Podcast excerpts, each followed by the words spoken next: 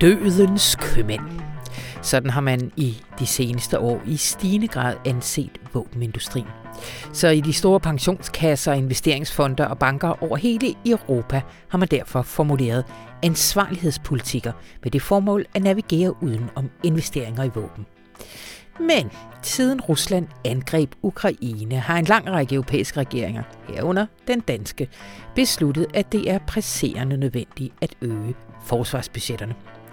I den udlægning er det altså en forudsætning for kontinentets sikkerhed, at man køber ind for milliarder og atter milliarder kroner hos de selv samme virksomheder som pensionskasser og finanshuse stempler som moralsk anløbende. Hmm, hvordan harmonerer det lige? Mathias Sindberg han udlægger det temmelig store dilemma for pengekasserne, reguleringsmyndighederne og ja, vel i sidste ende for dig og mig og alle de andre, der har penge i de her kasser. Velkommen til Radio Information. Mit navn det er Anna von Sperling. Og vi også skal tale om en ret omtalt bog, nemlig den engelske Prince Harrys selvbiografi. På dansk har den fået titlen Reserven. Hvad vil han egentlig med den, og er der kommet noget, der lugter af en læsværdig tekst ud af bestræbelserne? Vores litteraturanmelder Bodil Skovgaard Nielsen, hun har læst de 500 og 76 sider lange. Ja, øh, genreforvirring kalder hun det. Øh, vil den være dysfunktionel familiekammerspil, nøgleroman, eventyrfabel eller bildungsroman? Rune Lykkeberg han har til gengæld set en helt utrolig god film, nemlig Christian Mingius nye Kold Vinter. Det var ham, der i 2007 vandt guldpalmerne med abortdramaet fire måneder tre uger og to dage. Og denne gang så har han kastet sig over konsekvenserne af den store udvandring og tilsvarende indvandring i hans hjemland Rumænien, som de manifesterer sig i en lille landsby i Transylvanien. Men allerførst skal vi tale om de overenskomstforhandlinger, der gik i gang i sidste uge. Rigtig hjertelig velkommen til.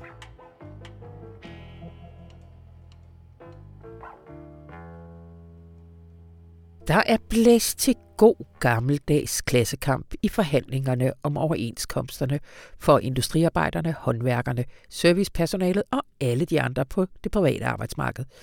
Overenskomstforhandlingerne de gik i gang i denne uge, og det sker jo på det her bagtæppe af inflation og udsigt til generel afmatning i økonomien.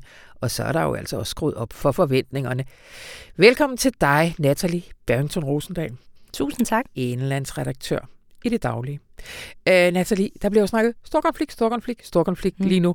Altså, vi har jo ikke haft en stor konflikt siden øh, 1998. Altså, de er jo ikke engang gået i gang. Hvad er det, der gør, at det allerede virker som om, vi har besluttet os for, at det er overhængende? Ja, jamen, altså, man kan jo næsten blive lidt træt, når man hører dem lægge ud med at sige, at der er stor risiko for stor konflikt, fordi jeg synes næsten altid, det begynder sådan. Ja, altså, jeg synes, ja. jeg synes man tænker, at de, de skal altid lige pusse sig lidt op og, og, og sådan vise, at der er altid noget på spil. Det er vigtigt det her. Det bliver rigtig svært at overtale hinanden til at blive enige. Men, men øhm, og, og det er det, man ligesom tænker først, når man hører det. Men faktisk er der altså mere risiko ja, for stor okay. konflikt, end ja. der plejer at være, når man ja. lige øh, kigger lidt ned i. Altså eksperterne er mere øh, tydelige i, øh, i, at de tror, at det kan ske. Øhm, og parterne i talsat faktisk også selv det her ved et pressemøde i sidste uge, hvor de ligesom øh, skød det hele i gang. Ikke? De sagde, vi, jeg ved godt, vi plejer at sige det, men den her gang, der siger vi det uden glemt i øjet. Ikke? Ja. Øhm, og grunden til det er, en række forskellige ting, faktisk. Ja. Men det aller, aller vigtigste må nok være den økonomiske situation. Særligt inflationen, ja. som jo har været øh, stigende af den højeste i 40 år faktisk lige nu i Danmark. Ja. Mm. Og, og hvordan hænger det så sammen? Altså, øh, hvordan bruger henholdsvis arbejdstager og arbejdsgiver siden den her omskiftelige økonomiske situation, vi er i? Ja, altså, fordi det er nemlig, som du lægger op til her, altså begge parter kan faktisk bruge inflationen som argument for at tale deres sag. Ja. Altså lønmodtagerne, de har oplevet, at deres løn simpelthen er blevet mindre værd. Altså inflationen har jo været øh, på omkring 10 procent, nu den øh, begyndt at falde en lille smule. Øhm, lønnen er slet ikke steget i samme tempo, og det vil sige, at øh, det, de kunne købe for deres løn for et år og to år siden, det kan de ikke længere købe. Nej, og det er, altså, hvis den skal følge med, re- eller en reallønsudvikling, skal det være 10% plus 2%, altså 12% de nu skulle gå ind inden for det næste år Ja, og kræve en Ja. lønstigning. ja altså sådan groft sagt i Ja. hvert fald. Ikke? Øhm, altså man kan sige, det kan, det kan sådan nuanceres lidt af, hvis inflationen falder de næste måneder, så kan det være lidt mindre, der kan gøre det og sådan noget. Men ja, som du siger, groft sagt, altså en rigtig, rigtig stor stigning. Ja. Øhm, og der, der, der siger lønmodtagerne, prøv at høre, øh, vi har haft gode tider på arbejdsmarkedet. Vi er blevet øh, tudørende fulde om, at der er mangel på os, at øh, det er glohit arbejdsmarkedet, alle de gode gamle ord, man Ja. bruger, ikke? Rift om arbejdstagerne. Øhm, og de har haft sådan nogle moderate lønstigninger, vil de fleste nok være enige om. Og nu, så, øh, så får de at vide, at, øh, at øh, eller hvad hedder det nu, så er deres løn mindre værd, så de vil gerne have noget mere. Ikke? Ja. Det er, det er den, den ene side af argumentet. Ja, og så kan vi lige komme til den anden side af Mhm. argumentet, men det der jo også er at rive folk i øh, hver sin retning lige nu, det er, at vi har jo fået en ny regering, Mm. der stadigvæk taler om, at det store dyr i åbenbaringen er at lave reformer, Ja. der peger, mod øh, større arbejdsudbud. Ja. Så de fortsætter jo også i en eller anden grad forestilling om, at, at der er vildt drift og, og mangel på medarbejdere. Fuldstændig. Fuldstændig. Og altså, det gør de nemlig, og hele øh, regeringen er jo bygget på det fundament, at der, der er brug for reformer, fordi vi mangler arbejdskraft. Ikke? Altså Ja. ja. arbejdsudbud, arbejdsudbud, arbejdsudbud, det hører man hele tiden. Øh, altså argumentet har jo nærmest været, øh, øh, man kan ikke gøre det, hvis man har fløjene med. Man bliver nødt til at have den her ansvarlige midte, der kan lave de her reformer. Ja. Så jeg er fuldstændig, der er en stemning af, at det, det, det har i hvert fald gået rigtig godt. Ikke? Ja, Og så, så er der jo så arbejdsgiverargumentet angående inflationen er noget, som vi også lidt så i valgkampen, og som du og jeg også talte om i radioen dengang, det her med, at når der er inflation, det kan jo, der kan jo sådan set godt være inflation, og- samtidig med, at det går godt på, på arbejdsmarkedet. Ja. Altså de to ting behøver ikke øh, at udelukke hinanden. Men når der er inflation, øhm, så skal man være forsigtig med at give folk øh, alt for mange flere penge mellem hænderne, fordi at så har de flere penge at købe for, så øh, vil de have flere varer, øh, og så bliver man nødt til at sætte priserne endnu mere op, og så, så fortsætter det i det her, som man kalder lønprisspiral. ja. Øhm, så, så arbejdsgiverne siger løntilbageholdenhed på grund af inflationen, og arbejdstagerne siger mere i løn på grund af inflationen. Ja. Groft sagt, ikke? ja. ja. Mm. Altså, du nævner i din artikel sådan en række andre ting, som der kan tys til, hvis det ikke handler om, øh, om løn. Og altså, øh, nu sagde jeg det her med 12 procent, fordi du har en, eks- en, Mm. mm. en, kilde- en kilde, der nævner det, men han nævner jo også, at det ved forhandlerne godt, at vil være uansvarligt at Ja. kræve. Så det var bare lige for at, Ja, at rette, at rette det. Men, men øh, der er jo ikke nogen tvivl om, at arbejdsgiversiden øh, også godt ved, at de skal give noget. Mm. Øh, men hvad, hvis de ikke skal øh, i lønningsposen? Hvad er, hvad er der så af, af muligheder? Så er der et par andre muligheder. Altså, der, der er sådan noget øhm, lidt mere øh, blødt, men dermed ikke sagt, at det ikke er vigtigt, men sådan noget som arbejdsmiljø, for eksempel. Øhm, så kan man øh, lave bedre barselsregler. Og så er der sådan nogle ting, hvor at, at man kan give folk mere fritid, altså det, som der hedder fritvalgskonto, eller altså, hvor du kan sige, jamen, øh, jeg, jeg ud over den løn, jeg får, så kan jeg hvert år ønske lidt mere, øh, lidt flere fridage, for eksempel. Øh, lidt mere fleksibilitet. Man kan også få lidt mere i pension, og ofte, altså for eksempel her på Information, der kan man jo også ønske lidt mere løn, så, øh, Ja. så på den måde øh, kan sådan en også føre til mere løn. Men, øh, men det er en mulighed. Og så en anden mulighed er engangstillæg. Øhm, og det minder jo lidt om det, vi har set her i løbet af efteråret, altså varmechecks til pensionister og altså øh, børnefamilier osv. Altså hvor du simpelthen udbetaler et beløb en gang. Ja. Øhm, i håb om, at inflationen jo så falder, og, og det, det, det ikke er lige så nødvendigt om, om, lige om lidt. Ikke? Ja. Øhm, og det har man for eksempel gjort i Tyskland, hvor man har givet 3.000 euro skattefrit faktisk øh, over to omgange øh, til folk på, det, på industriens område, mener jeg hvis nok det er. Øhm, og det er jo mange penge, nu kan jeg ikke lige i hovedet, øh, men hvad er det sådan Ja. noget øh, mellem 20 og 25.000 eller Ja, sådan noget ja. skattefrit, ikke? Ja. Øhm, men det er ikke lige så inflationsdrivende, mener mange. Men der er stadig sådan lidt usikkerhed om, hvordan man kan det, og så er det jo også en kæmpe udskrivning for Ja, det- virksomhederne. Det må man sige. Ja.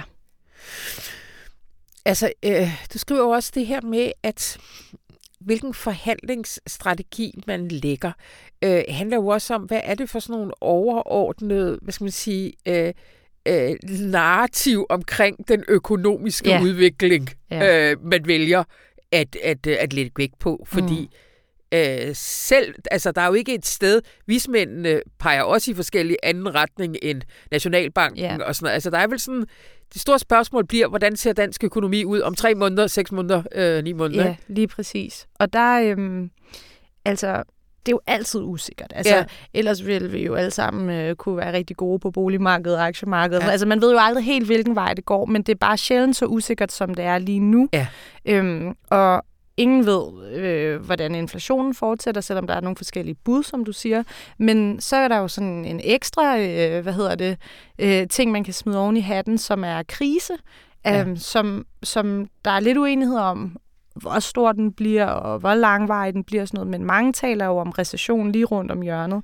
Øhm, og så har vi jo en anden situation. Øhm, og, og, og alt det her, det gør, at det er så svært for dem at mødes, fordi at så kan arbejdstagerne tale om en verden, der ser ud på en måde, ikke? og så lønmodtagerne, eller hvad hedder det, arbejdsgiverne, øh, om en verden, der ser helt anderledes ud. Og Ja. det, det øh, er også lidt i forlængelse af det, du nævnte før, altså nemlig den her pointe med, at regeringen snakker om mangel på arbejdskraft, Arbejds, øh, arbejdsgiverne taler også rigtig meget om det, og er rigtig glade for den her reformregering, virker det til. Øhm, og så er det jo rigtig svært for dem samtidig at prøve at sende et signal om, at der er krisetider. Altså, Ja. Og der, der kan man for eksempel se, at efter finanskrisen var der, øh, var der sådan en eller anden form for forståelse for, ja. at vi lever i et samfund, hvor at der er mange, der er blevet fyret, der er mange, der ikke har et job. Øh, øh, derfor så, så, så virker det måske sådan lidt utidigt at komme og bede om meget mere i løn og sådan Ja. noget. Ikke? Men den der sådan kriseforståelse for hinanden, den er der bare ikke på samme måde lige nu, fordi at man netop har de her modsatrettede signaler om, hvorvidt det går godt eller ej. Ikke? Ja. Mm. Og så for at gøre det hele endnu mere kompliceret, mm. Så har vi jo også fået en ny regering, der på en eller anden måde øh, øh, flytter lidt usædvanligt meget med grænsen mellem, hvad der er deres arbejdsopgaver, og hvad. Ja. man plejer at synes er op til øh, arbejdsmarkedets parter. Altså både det her med at inddrage stor bededag, hele diskussionen om mere løn til sygeplejerskerne, og hvor, hvor går grænsen? Øh, jo også øh, potentielt muligheden for en, øh, en, en check, der skal øh, dække nogle af vores omkostninger mm. ved høje energiregninger. Mm. Og sådan noget. Altså, hvor øh, i forhandlingernes hoveder, hvor, hvor, ligger, øh, hvor Ja. ligger den del? Altså, jeg, i, min analyse er, at det betyder rigtig meget for lønmodtagernes forventninger. Ja. Altså fordi en ting er jo, hvad forhandlerne kan blive enige om. Så skal de jo i næste led have øh, lønmodtagerne til at stemme for. Der er også nogle øh, i arbejds, på arbejdsgiversiden, der skal, det er, lidt, det er lidt på en anden måde. Men lønmodtagerne, altså medlemmerne i de forskellige fagforeninger, de skal jo stemme ja til det her. Ja. Ikke? Øhm, og hvis de ikke gør det, så, så er der ballade. Ikke? Ja. Øhm, og, og det er jo blandt dem, at der er de her store forventninger, og de bliver næret af de her ting, du nævner. Altså, Ja.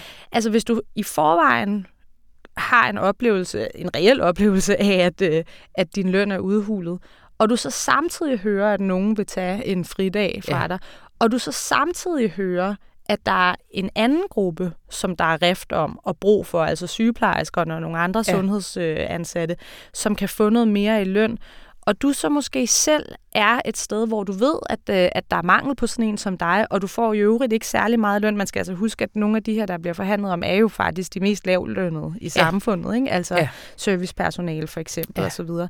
Så, så, så tænker du, hvis det kan lade sig gøre derover, og hvis alle de her ting sker for mig, så skal jeg i hvert fald så skal jeg have mere i løn. Ikke? Ja. Øhm, så, så jeg tror, at det er særligt der, at, øhm, at regeringens forslag kan have en effekt, men derudover også selvfølgelig i forhandlingerne. Det, ved, det kan vi allerede se i medierne, at der er udmeldinger. Så for eksempel siger øh, FOA, at, øh, at de ikke vil stemme for et forlig, øh, hvis, øh, hvis Stor Bededag bliver taget fra os ja. og så videre. Ikke? Så der er sådan, der, altså, det bliver helt klart også brugt i selve forhandlingerne.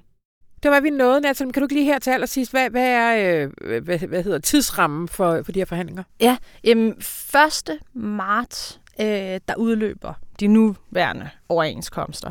Og øh, der skal man helst være i hus, og, og, og det er jo så egentlig lidt før, fordi så, altså, det tager lige noget tid at fremlægge det og så videre. Men man kan også godt beslutte sig for at udskyde det, altså fra forhandlernes side, så... Øh, Altså, jeg tror, det begynder at blive rigtig, rigtig spændende der i, i midten af februar. Øhm, ja.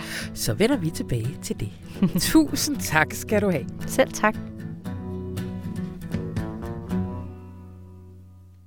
Hej Rune. Hej Anna. Jeg har glædet mig til, at denne optur, ugens optur, det er en skidegod film, vi alle sammen skal ind og se, fordi det øser og pøser ned, og det er, alt er så indadvendt og træls og dårligt, og vi skal bruge tiden på at se nogle gode film. Men der er magic in the cinema. Ja. Yeah. Og ved du hvad, har du ikke også tænkt på det, at efter at man ser og streamer så meget, og ser så mange tv-serier og sådan noget, så er det blevet meget mere magisk at gå i biografen. Jo, for helvede. Fordi da vi var unge, der så man jo ikke særlig meget kvalitet derhjemme. Der så man en hel del lort derhjemme. Ja. Og så hvis man skulle se noget, der var kvalitet, så var det i biografen. Nu kan man jo se al mulig kvalitet der, og når man så kommer i biografen, tænker man, okay, ja. okay, telefoner er slukket, der er mørke, og nu er det kun det her.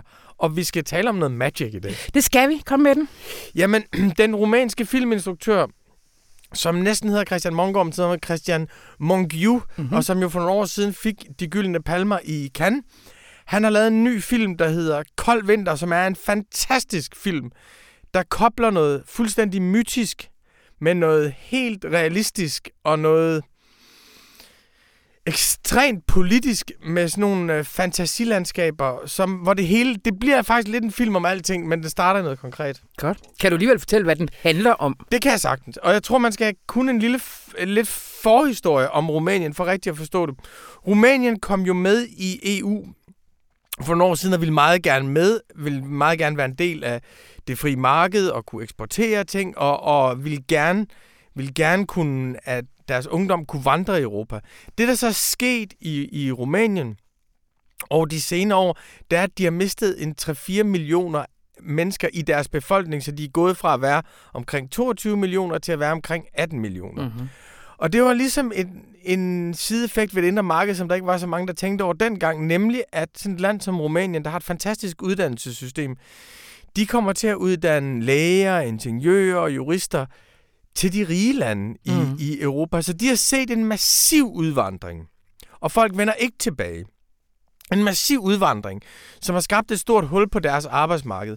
Og for at kunne udfylde det hul, så har de jo skulle hente folk i Nepal og Sri Lanka og alle mulige andre steder. Så det er en, det er en helt anden europæisk erfaring, som de har. Og scenen for Christian Mungius film Kold Vinter, det er øh, en lille landsby i Transylvanien, hvor øh, igen de fleste unge er forsvundet, og der er sådan en produktionsvirksomhed, som er et industribageri, som er centrum for filmen. Og for at få det industribageri til at fungere, så har de hentet, øh, så har de hentet tre arbejdere fra Sri Lanka, som jo ligesom er en økonomisk nødvendighed for det her kvarter. Og hende, der er direktør for industribageriet, er meget tydeligt en af de få, der ikke har forladt landet. Hun har haft mulighed for at komme til Tyskland, men har sagt nej og er blevet der, fordi hun er rumæner og vil have Rumænien til at fungere. En anden hovedperson i filmen starter med at være ansat på et slagteri i Tyskland, som hedder Der, der Vestlige Schlachthof, den vestlige slagtergård. øh, og der er en, der kalder ham cigøjner på arbejdspladsen, og så nikker han ham skalle, og så ryger, han, så, så, så ryger han hjem. Så han har prøvet at være ude og blive betragtet som cigøjneren og vender hjem. Og hende øh, Gila, som hun hedder, der har industribæreriet, hun prøver at få det til at fungere derhjemme. Så vi er i det her lille produktive fællesskab, hvor flertallet i lokalbefolkningen, som er sådan nærmest Ibsen-agtigt, de vil ikke have de her øh, Sri Lankanere, men du kan ikke holde produktionen kørende, hvis du ikke har dem. Og filmen er lavet sådan, så der er flere forskellige sprog i den. Når de taler romansk, så er det med hvide undertekster. Mm-hmm. Når de taler ungarsk, for det er på grænsen til Ungarn, så er det med gule undertekster. Og når de taler andre sprog, så er det med violette øh, undertekster. Så du får ligesom fornemmelsen af det her land, som er i en eller anden form for national opløsning, hvor man ikke engang taler det samme mm. sprog længere, og hvor der opstår alle mulige forskellige konflikter. Det foregår bare i den lille landsby? Ja. Nå, men det er fordi, nu var du ude med vilde landskaber og sådan noget. Ja, men tænkte, der det er fordi, der er også et... Der er for det første en kærlighedshistorie, hvor ham, der bliver sendt hjem fra, fra Tyskland, eller bliver nødt til at forlade slagteriet i Tyskland, fordi han nikker en skalle, fordi han bliver regnet for cigøjner, han vender tilbage til til, til byen, hvor han har en søn, men en kone, der ikke gider have noget med ham at gøre, fordi han har været en utro, så derfor har han en affære med hende, der har slagteriet. Så der er en kærlighedshistorie, men der er også et forsøg på, at han skal være far for sit barn. Og alle forældre-barn-relationer i filmen er brudte.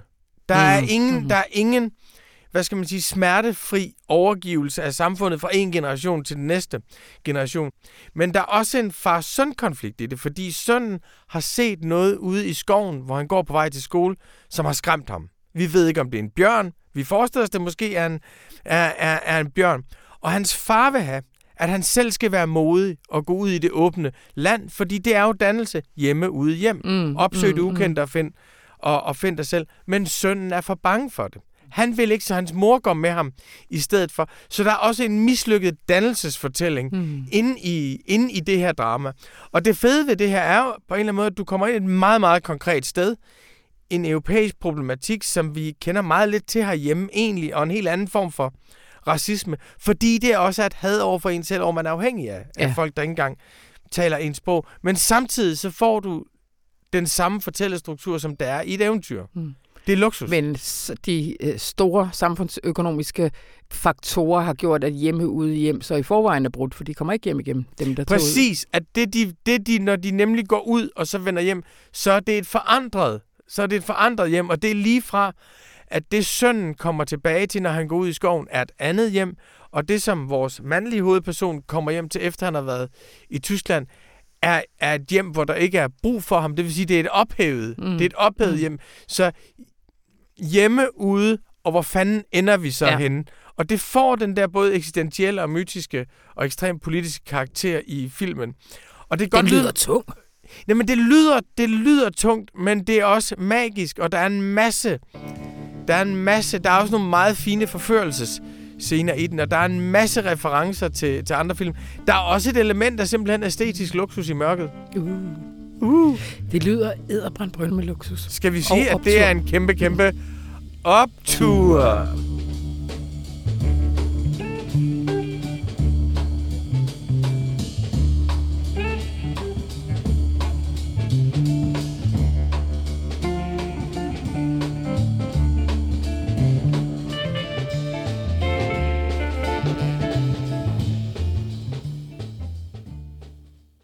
Pensionsselskaber, investeringsfonde og banker over hele Europa har i de seneste år formuleret ansvarlighedspolitikker og udviklet etiske rettesnore, der styrer dem i en lang bue uden om store dele af våbenindustrien. De har formuleret værdier og mission statements, og i langt de fleste tilfælde så har det harmoneret relativt dårligt med at være i lag med det, der går under navnet dødens købmænd i våbenindustrien.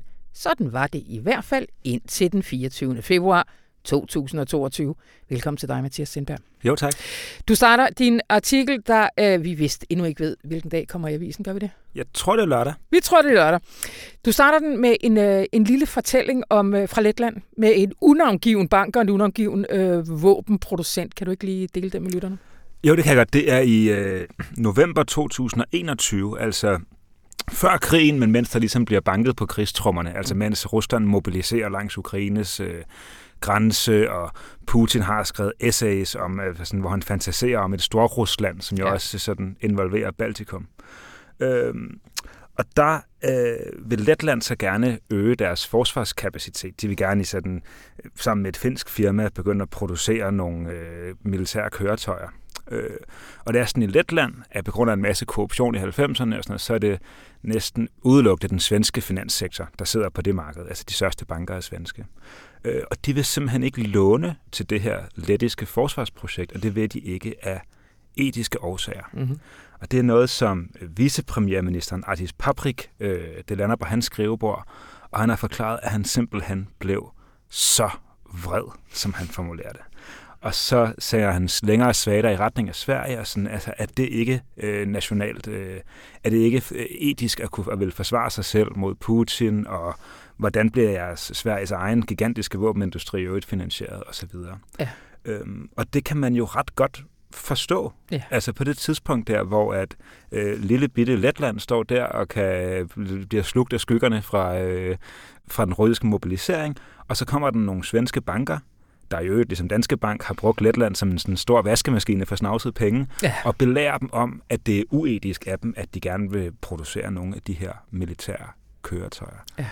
Og historien sætter jo sådan et ret sådan generelt problem på spidsen i forhold til, hvordan vi ligesom moral skal forholde os til våbenindustrien. Ja. Øhm, For de her svenske banker er jo ikke de eneste, der har haft sådan forbehold over for, øh, altså af etiske årsager, for at investere eller have noget at gøre med våbenindustrien. Øh, det er der også en del danske banker og pensionskasser og, og så videre, der har. Og det er jo på sin vis øh, sådan lidt i konflikt med, hvad vi beslutter i andre sammenhæng. I Ja. hvert fald. For man kan sige, øh, at der er i hvert fald et modsætningsforhold mellem, at vi øh, som medlemmer af pensionskasser og som kunder i banker siger, at nogle af de her firmaer er simpelthen så øh, moralsk forkastelige, at vi ikke vil have vores penge investeret i dem. Samtidig med, at vores repræsentanter i Folketinget beslutter, at det er tvingende nødvendigt og en forudsætning for europæisk sikkerhed, at vi bruger milliarder og er der milliarder af kroner øh, på at handle i de selv samme firmaer. Mm. Fordi altså, øh, den udvikling, der har været i, øh, i, i de her øh, retningslinjer for etiske investeringer øh, hos de her store pengekasser, det, det øh, kommer jo ikke af, at bankdirektøren vågnede op en dag og havde ondt i maven over det. Det er vel også fra generelt pres fra øh, medlemmer, men jo også fra medier som også Vi har jo for eksempel også haft øh, mange øh, omgange af kritisk journalistik omkring det. Ja, altså vi, for eksempel, altså langt, langt, langt de fleste øh, danske pensionskasser har politik imod at investere i det, man kalder kontroversielle våben. Ja. Og det, er sådan, altså, det kan både være sådan noget, altså sådan decideret konventionsstridige våben, som klyngebomber og landminer og sådan noget. Men det kan også være sådan noget, i de fleste tilfælde gælder det også atombomber, for Ja. eksempel. Det har vi skrevet en del om for nogle år siden. Hvor vi Pædagogerne stort- blandt andet, det var ret... Øh, Pr- Præcis, altså, ja. hvor, de så, hvor det så blandt andet på baggrund af vores journalistik var en masse, der så afinvesterede, eller ligesom øh, viklede sig ud af atombomberne. Ja. Og som sådan er det jo ikke ulovligt med atom, atombomber. Altså vi er en del af NATO, og NATO har relativt mange atombomber. Det er ligesom en del af den pakke, vi er med i i NATO. Og når man har afinvesteret fra atombomber, så kan man heller ikke have penge i en lang række af verdens allerstørste og mest betydningsfulde våbenfirmaer. nej, for kompo, de producerer komponenter, der bruges til atomvåben, ikke? Ja, men også noget som Lockheed Martin, øh, det store amerikanske firma, som leverer øh, dit øh, kampfly, som Danmark nu køber i dyredomme. Ja. Øh, de står også for at vedligeholde de amerikanske atomvåben. Okay, og det betyder så meget, så, ja. at, øh, at en lang række af danske pensionsselskaber, men også danske banker, når det er og sådan noget, ikke vil have penge i dem. Så igen, altså dem, som den danske stat er storkunden hos, som vi i hvad skal man sige, det nationale fællesskab, som borgere bruger Ja. ja. ekstremt mange penge hos, vil vi som medlemmer af en pensionskasse eller kunder i en bank øh, ikke have noget med at gøre. Nej. Og det er, der, det er der i hvert fald sådan lidt moralsk øh, tvetydighed omkring. Det må man sige. Øh, vel jo helt ned på individniveau, eller hvad det hedder. Altså, hvad, nå, men nej, det er jo en anden øh, og længere snak, hvad man egentlig skal stille op med det selv, hvis man faktisk synes, at vi skal bidrage til, øh, Mm. til NATO's fælles øh, styrker, men, øh, men øh, også har stemmeret til, til sin pensionskasse. Øh, altså, øh, der har jo været øh, stigende kritik af det her, og der er også noget, der ændrer sig. Helt klart, altså der er ingen tvivl om, at før den 24. februar 2022, da Rusland går ind i Ukraine, altså i årene før det, har det kun gået én vej. Og Ja. det har været med øh, prøve at gøre vores øh, arm, der holder os væk fra øh, hvad hedder det, våbenindustrien længere og længere og længere. Ikke? Altså flere har afinvesteret, øh, sådan noget med her med ESG og bæredygtige investeringer er blevet mere populært.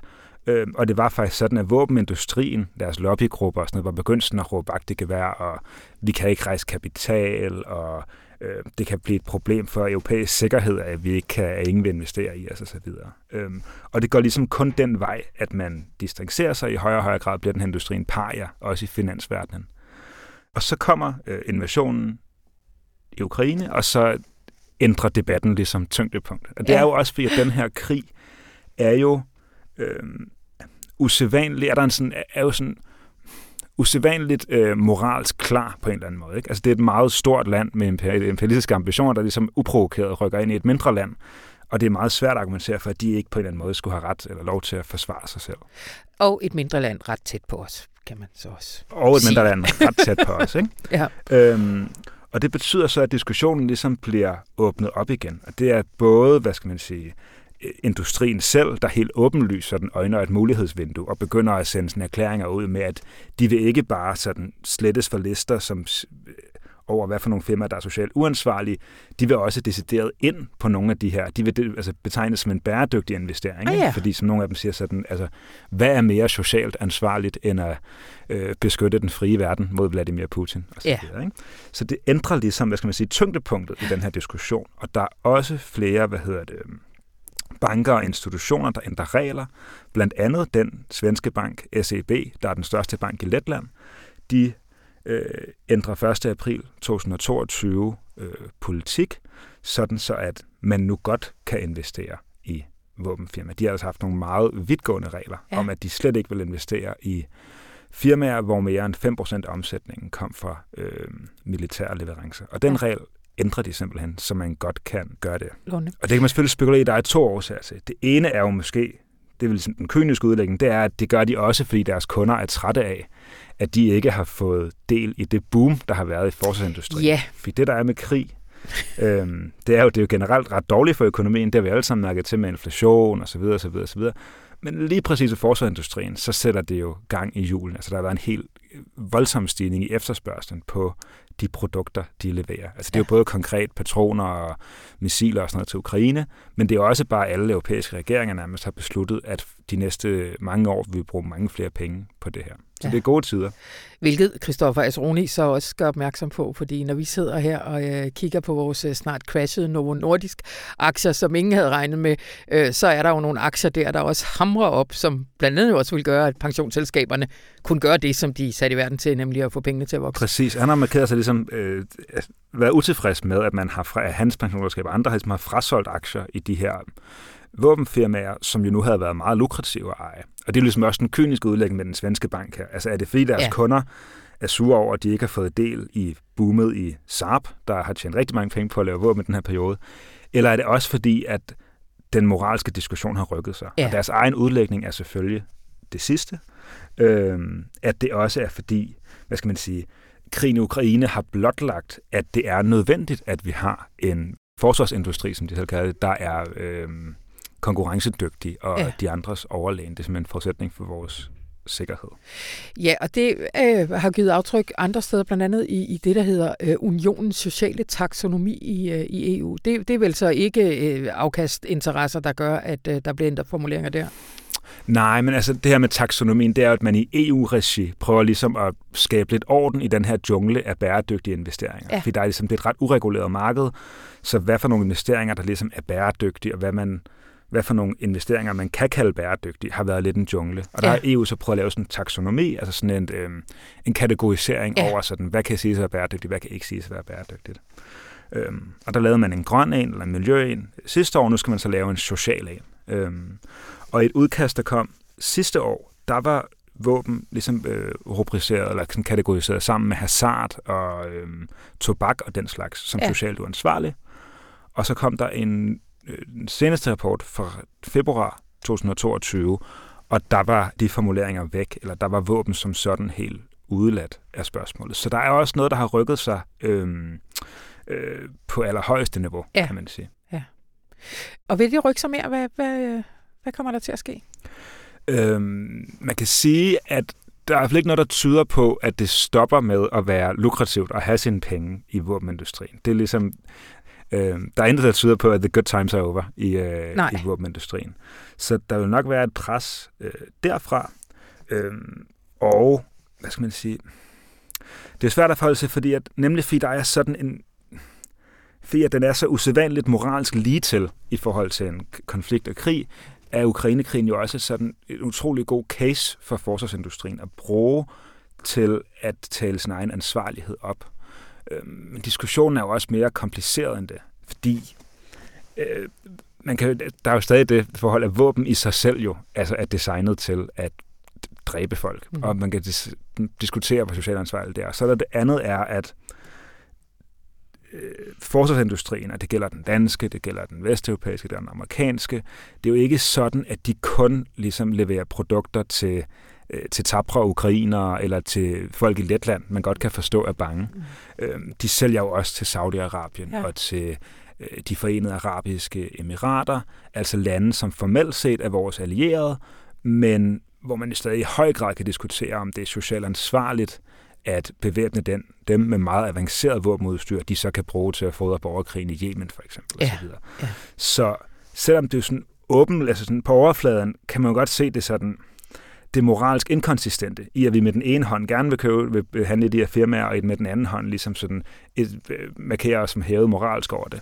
Men at diskussionen er jo stadig, altså hvad skal man sige, mere kompliceret end som så i hvert fald. Ikke? Og man kan sige, at forsvarsindustrien gør jo ikke sig selv nogen tjenester i forhold til, hvordan de bliver opfattet moralsk, hvis den at blive ved med at sælge til nogle af de her lande. Nej, men det var egentlig mit sidste spørgsmål. Kunne man forestille sig, at der så sker en udvikling, hvor vi i stedet for stiller øh, etiske krav til de våbenproducenter, der skal levere til os i forhold til, øh, hvem de ellers sælger til?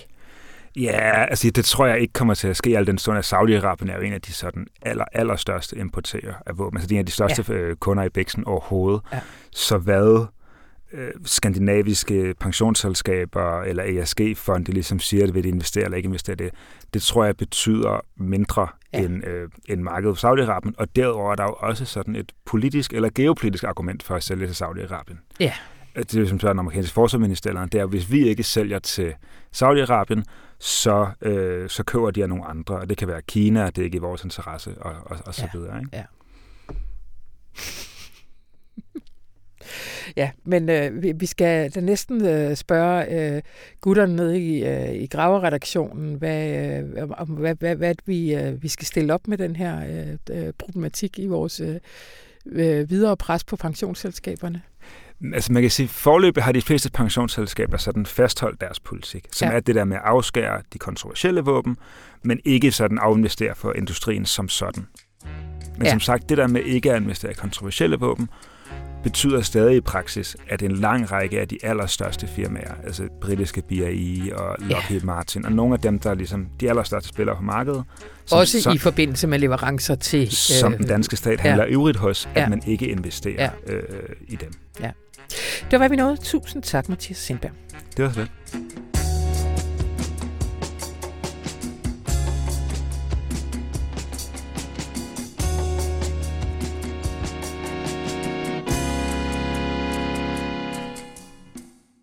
Man skal være af en helt særlig støbning for ikke at huske sin brors og Englands kommende konges bryllup for pompen, pragten og følelserne, men for en frostskadet penis.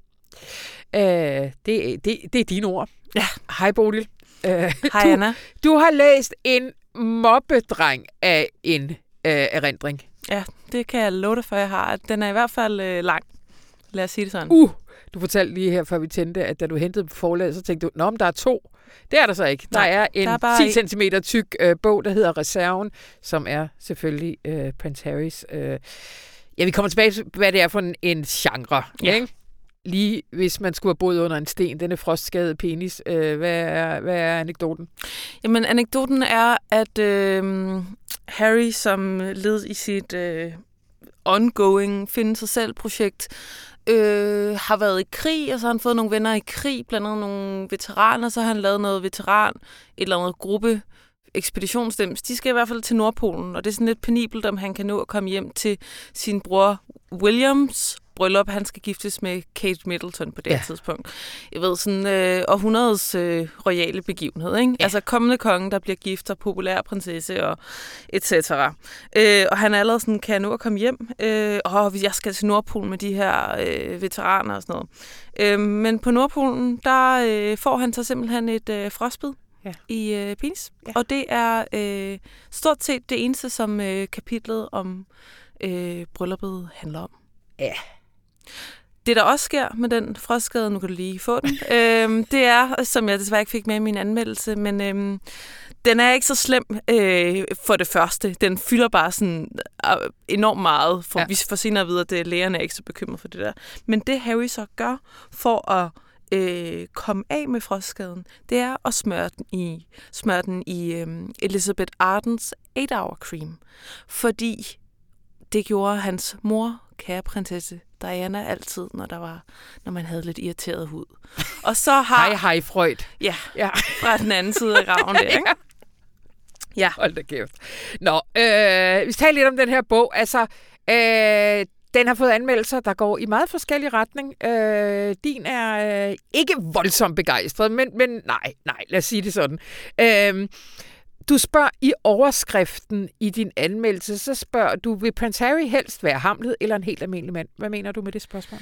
Jamen, det er fordi, der ligesom er to spor i den her roman, og det er også ligesom om, den knækker over på midten. Jeg vil faktisk sige, indtil side 250, der var jeg sådan mere eller mindre overbevist.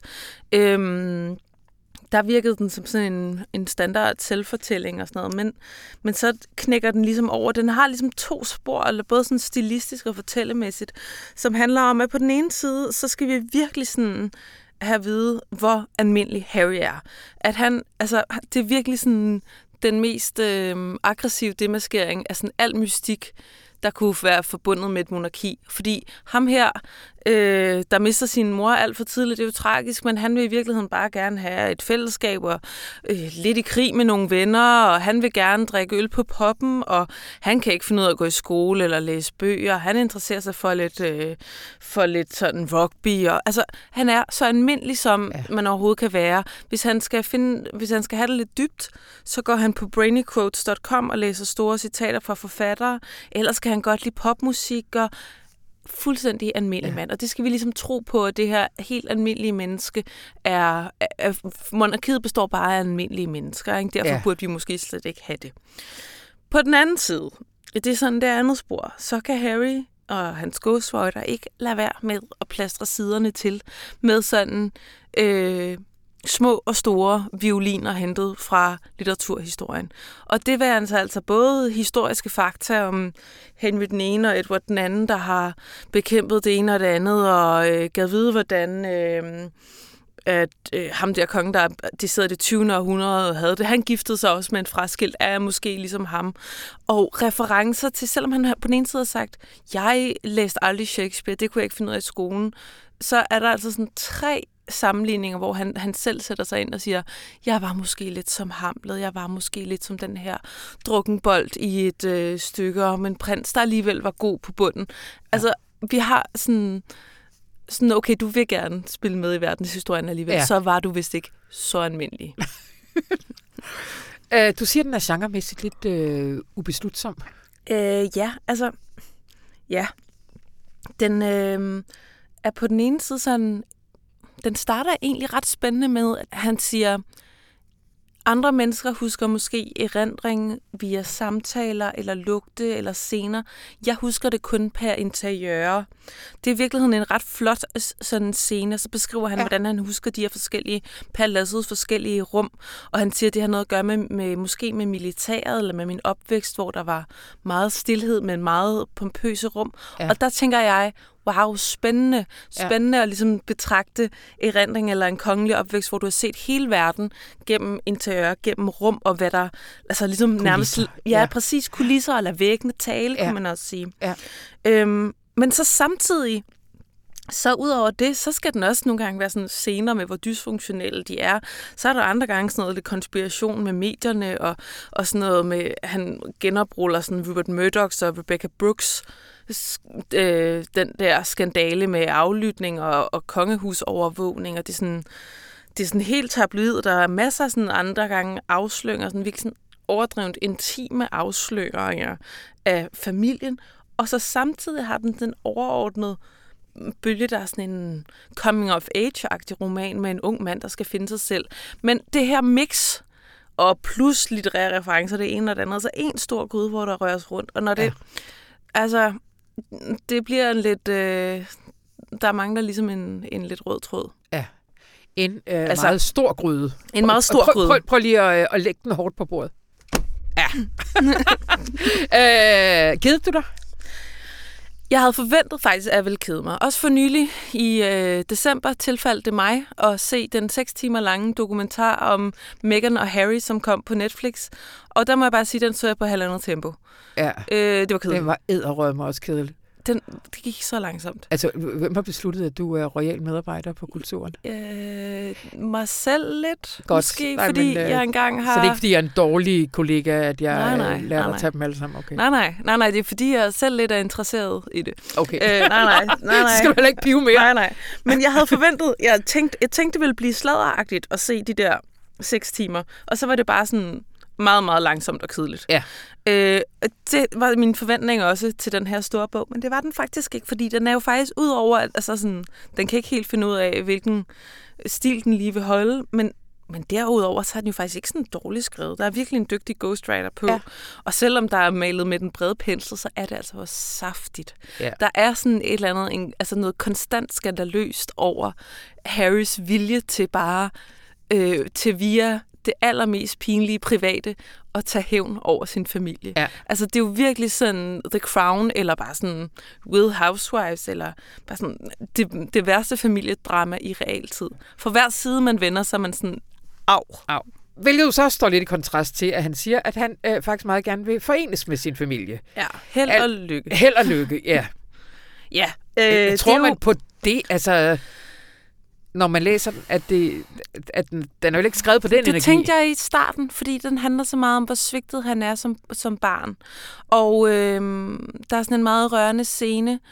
Der er flere rørende scener med Charles, der, ikke, der, er sådan, der skal fortælle de to sønner, at Diana er død, og ikke rigtig kan finde ud af at give dem et kram. Og, She didn't make it. Øhm, og, og hvordan han, han er også, øh, Charles selv er sådan lidt akavet fyr, der, Ja. der mest var boglig og ikke var sådan så stor, stærk mand, og har sådan nogle scener, hvor han har en bamse, han bare knuger ind til den her far, der også skal være konge. Og det er sådan, der er sådan noget rørende og noget, noget vilje til sådan at sige, at vi er alle sammen hele mennesker.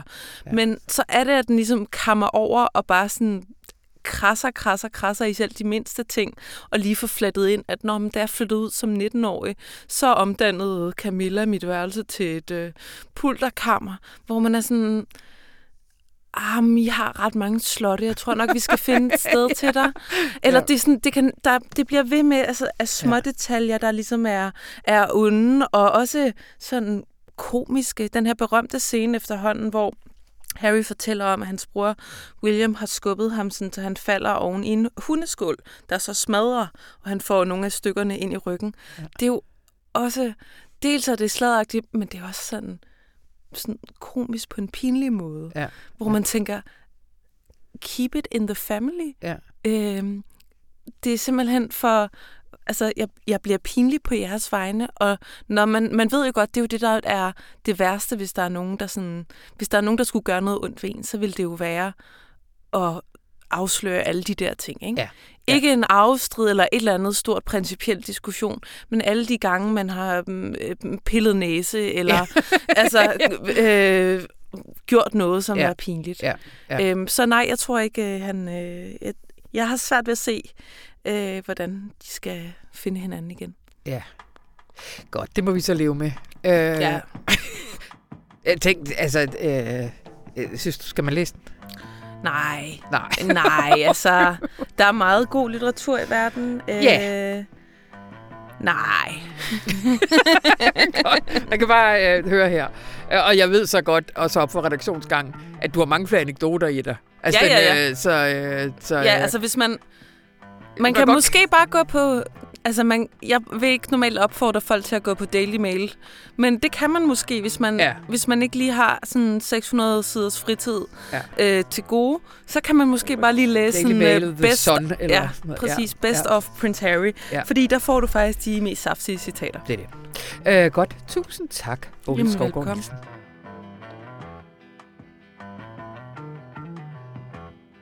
Og det var, hvad vi havde valgt for denne uges aviser. Der er meget mere inde på information.dk.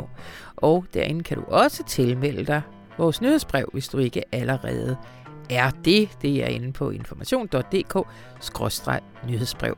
Øh, mit navn det er Anna von Sperling, og programmet her det var klippet og gjort så fint af Anne Pilegaard Petersen. Og så ønsker jeg dig en dejlig weekend.